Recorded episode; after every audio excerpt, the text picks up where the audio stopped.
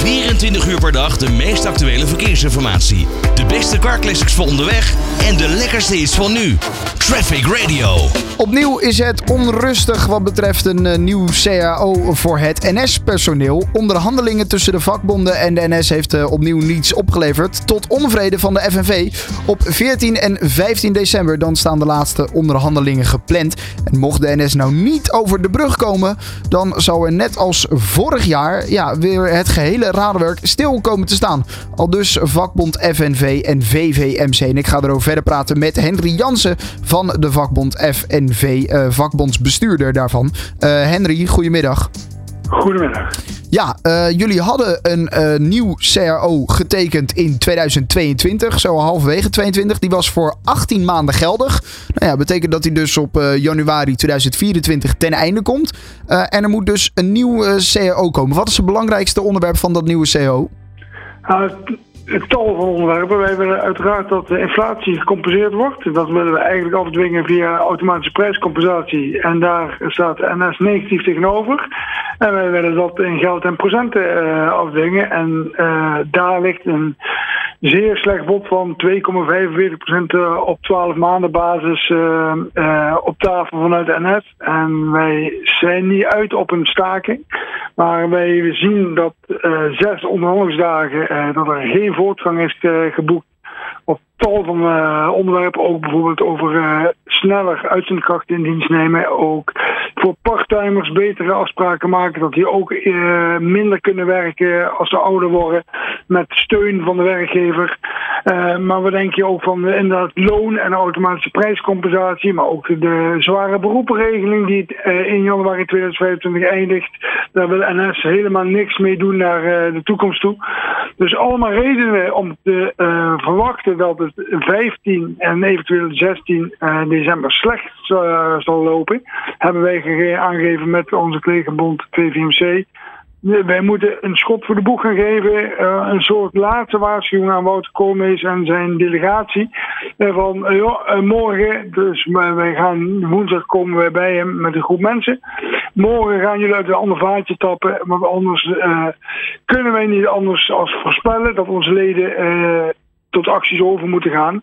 Niet omdat wij dat willen, maar omdat onze leden dan het resultaat wat er dan uiteindelijk zal komen afkeuren. En dan eh, zit er niks anders op. Zijn we niet op uit. Wij hopen dat NS die laatste waarschuwing serieus oppakt. En dat ze dus de donderdag, de 14 december, eh, serieus uit het andere vaatje gaan tappen.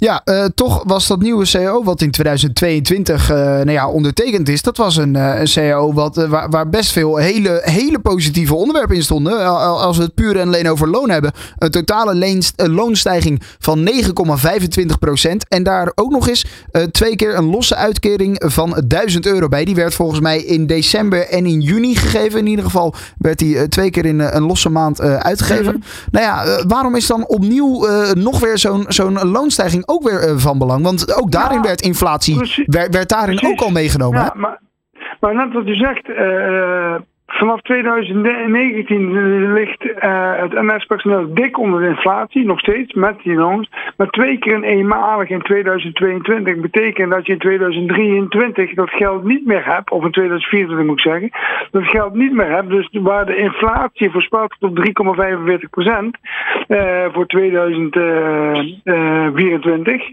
eh, zit er bij de NS'ers in één keer ten opzichte van het jaar daarvoor twee keer 1000 euro minder in de portemonnee. Dus dat stuurt, en daar heb ik ze vorig jaar de werkgever ook voor gewaarschuwd. Dit is een soort sneeuwbal die eh, een inflatiespook wat je vooruit duwt, wat je de volgende keer weer op je factuur terugkrijgt van ons. Dat kan niet anders. Dus wij hebben daarom ook voorgesteld om die twee keer 1000 euro te verrekenen naar een eh, structurele loonsverhoging op maandbasis in geld. Plus eh, het gat wat wij hebben vanaf 2019 is 6,45 procent. Wat eh, de werknemers vanaf 2019 minder als de inflatie in totaal hebben gekregen. Dus we praten nogal over een groot gat wat er bij NS is ontstaan. En eh, ja, onze achterban die zegt ja, we hebben toen omwille van uit de staking komen een behoorlijk eh bod, maar toch onder inflatieniveau geaccepteerd. Met twee keer een eenmalig, wat echt pijnlijk is voor mensen, want die willen liever structureel en terecht, snappen we. Eh, maar dan wil nog niet zeggen dat ze dan de volgende jaren genoegen nemen met een appel en een ei of kruimers, zoals wij dat noemen. Ja, dat is, dat, dat is Dus, inderdaad. En dat is dan uit de andere vaartje moeten tappen. Ja, dat is inderdaad hoe jullie het nu noem- noemen, dat er kruimels worden uitgedeeld. Ik kan me ook voorstellen dat er bij de NS toch nog eh, nou ja, flinke problemen zijn. eh, als je die coronajaren in de oogschouw neemt, wat echt nog niet lang geleden is. Dat, dat, dat- ik denk dat we daar nu koud anderhalf jaar vanaf zijn. Dan zijn er nog veel gaten nou ja, te vullen, ook in hun begrotingen. Kan je dan deze eisen stellen aan een NS zijnde? Ja, kan je aan een NS-werknemer vragen of hij zorgt financieel of zij zorgt financieel eh, dat het openbaar vervoer in stand blijft? Eh, NS heeft te maken met tal van eh, vacatures die ze niet ingevuld krijgen. Ja. Mensen lo- lopen ook eh, behoorlijk eh, snel naar buiten toe. Dus de achterdeur staat open. Als je het openbaar vervoer, wat toch echt een mensenwerk is, eh, eh, in de lucht wil houden, zal je met concurrerende arbeidsvoorwaarden komen. En kijk om je heen. De mensen bij NS die zijn niet weer het vreemd. Op Schiphol, in de horeca, bij de politie, bij Defensie, in de jeugdzorg. Overal gaan, zij gaan de salarissen en de andere arbeidsvoorwaarden sky high. En bij NS willen ze nou met de hand op de portemonnee. En dan moet moet dan de werknemer dat betalen? Ik denk niet dat je moet vragen wat een goede CAO voor het openbaar vervoer en dus ook voor NS kost. Je moet vragen wat het de maatschappij en de economie kost als je het niet betaalt. Deze mensen, uh, je wijst naar corona, die mochten niet thuis blijven. Die liepen met risico om ziek te worden. Wij waren hun een topsector, een vitale sector waarop voor geklapt is. Uh, hebben hun Nederland in uh, beweging gehouden en mobiel gehouden. Patiënt en zorgverlener konden op het werk of uh, bij de zorginstelling terechtkomen en weer naar huis. Dankzij de mensen van NS. Dus dan kunnen we nu niet zeggen van ja jongens, NS heeft problemen financieel omdat uh, corona, ze hebben nog een dipje dit en een dipje dat. Er zijn altijd redenen om uh, de arbeidskosten laag te houden. Maar er zijn nou vooral redenen om gewoon uh, goede zaken te doen in een goede CO. A, de mensen verdienen het, want ze hebben Nederland mobiel gehouden. B, NS heeft uh, gigantisch veel vacatures komen er door de vergrijzing alleen maar veel meer bij. Dus ze moeten concurrerende arbeidsvoorwaarden houden op de arbeidsmarkt. Uh, en, en C, als jij uh, als werkgever uh, niet wil dat de mensen ontevreden worden en gaan staken, zou je met iets beters moeten komen. Ja, hebben, jullie het idee dat jullie meer kunnen vragen uh, aan de NS, omdat jullie weten dat een groot, aan, een groot deel van de aandelen in de handen zijn van de Nederlandse staat? Het omvallen van de NS is dus bijna onmogelijk. Daardoor zou je best wel veel kunnen eisen. Nou, nee, we hebben elke onder, dan doe je de NS-delegatie tekort.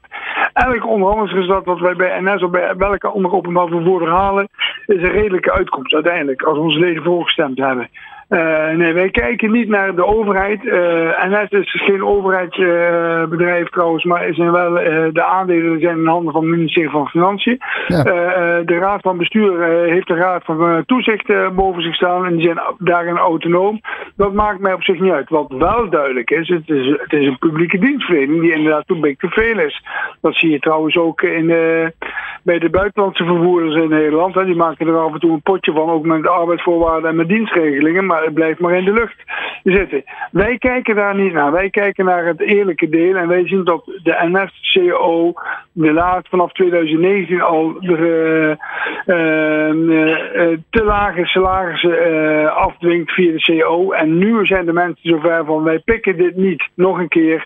Vorige keer kregen we een slecht bod. Toen hebben we gestaakt en toen kregen we een redelijk bod. Dat was op dat moment het beste bod wat er in de CO-land is afgesproken. Maar het was ook meteen een teken voor de arbeidsmarkt om elk ander redelijke CO-onderhandelingspartijen tot een hoger niveau te halen. Waardoor die NS ook wij hebben gestaakt. En heel veel sectoren kregen betere loonsverhogingen. En nogmaals, de inflatie werd niet gedekt. Dus met die eenmalige dek je de inflatie niet, met de eenmalige dek je het voor één jaar.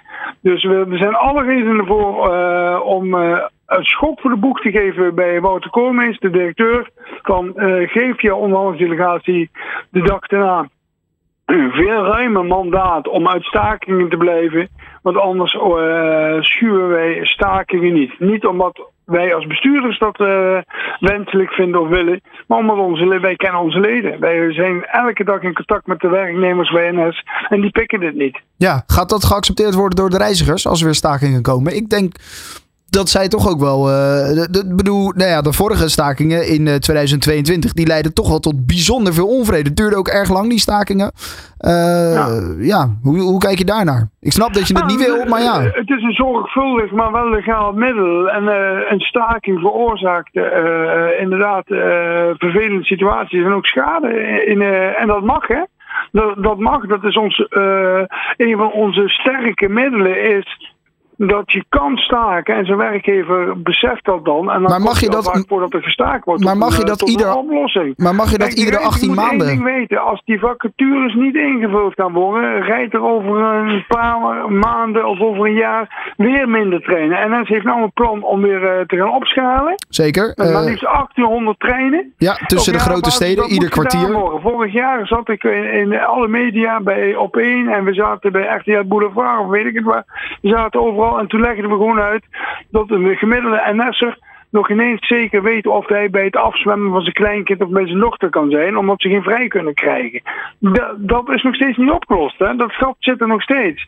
Dus wij hebben alle redenen om ook voor de reizigers, in het reizigersbelang, voor de toekomst van een uh, robuuste, stevige dienstregeling, te zorgen voor goede arbeidsvoorwaarden. Dat willen wij zonder staken.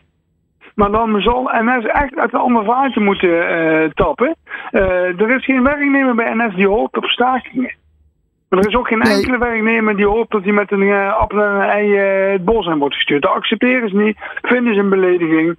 En de opstelling van NS op dit moment is uitermate stroef. En juist om uit de staking te proberen te blijven, ja, wij zijn er niet op uit en ik, ik verwacht ook dat NS uiteindelijk toch uh, tot besef komt dat ze zich redelijk moeten gaan opstellen. Uh, hebben wij deze actie voor, de volgende, en dat was de, la, dat was de reservedag, de 14. Hè? 14 december was een reservedag die we onwaarschijnlijk niet nodig zouden hebben. Nou, de waarheid is, ik heb het al in juni gezegd, als jullie een reservedag prikken, gaan we daar ook op uitkomen, zeiden wij. Want jullie houden de hand op de knip tot het laatste moment tot de druk uh, maximaal is. Nou, die voorspelling is uitgekomen. En het is nu aan NS, wij geven hem nog één keer een kans uh, en onze werknemers, uh, onze leden, uh, de NS'ers, op eigen tijd, niet op stakingstijd, op eigen tijd, rond de lunchtijd. Dus wij, wij verwachten helemaal geen monteurs uit Onne bijvoorbeeld in Utrecht, maar uit eigen tijd een paar honderd mensen. Even een duidelijk standpunt af te geven aan Wouter Koolmees en zijn onderhandelingsdelegatie. Maar jongens, morgen uit een ander vaatje tappen, want anders heb je echt problemen. Ja, en dat moet, allemaal, en dat moet allemaal gaan gebeuren inderdaad op woensdag 13 december om 12 uur. Dan willen jullie allemaal uh, nou ja, onder dat kantoor, het hoofdkantoor van NS in Utrecht, uh, gaan staan om die laatste waarschuwing te geven aan Wouter Koolmees. Uh, goed, tot zover dat nieuws. dank in ieder geval Henry Jansen. 24 uur per dag de meest actuele verkeersinformatie. De beste car classics voor onderweg en de lekkerste is van nu. Traffic Radio.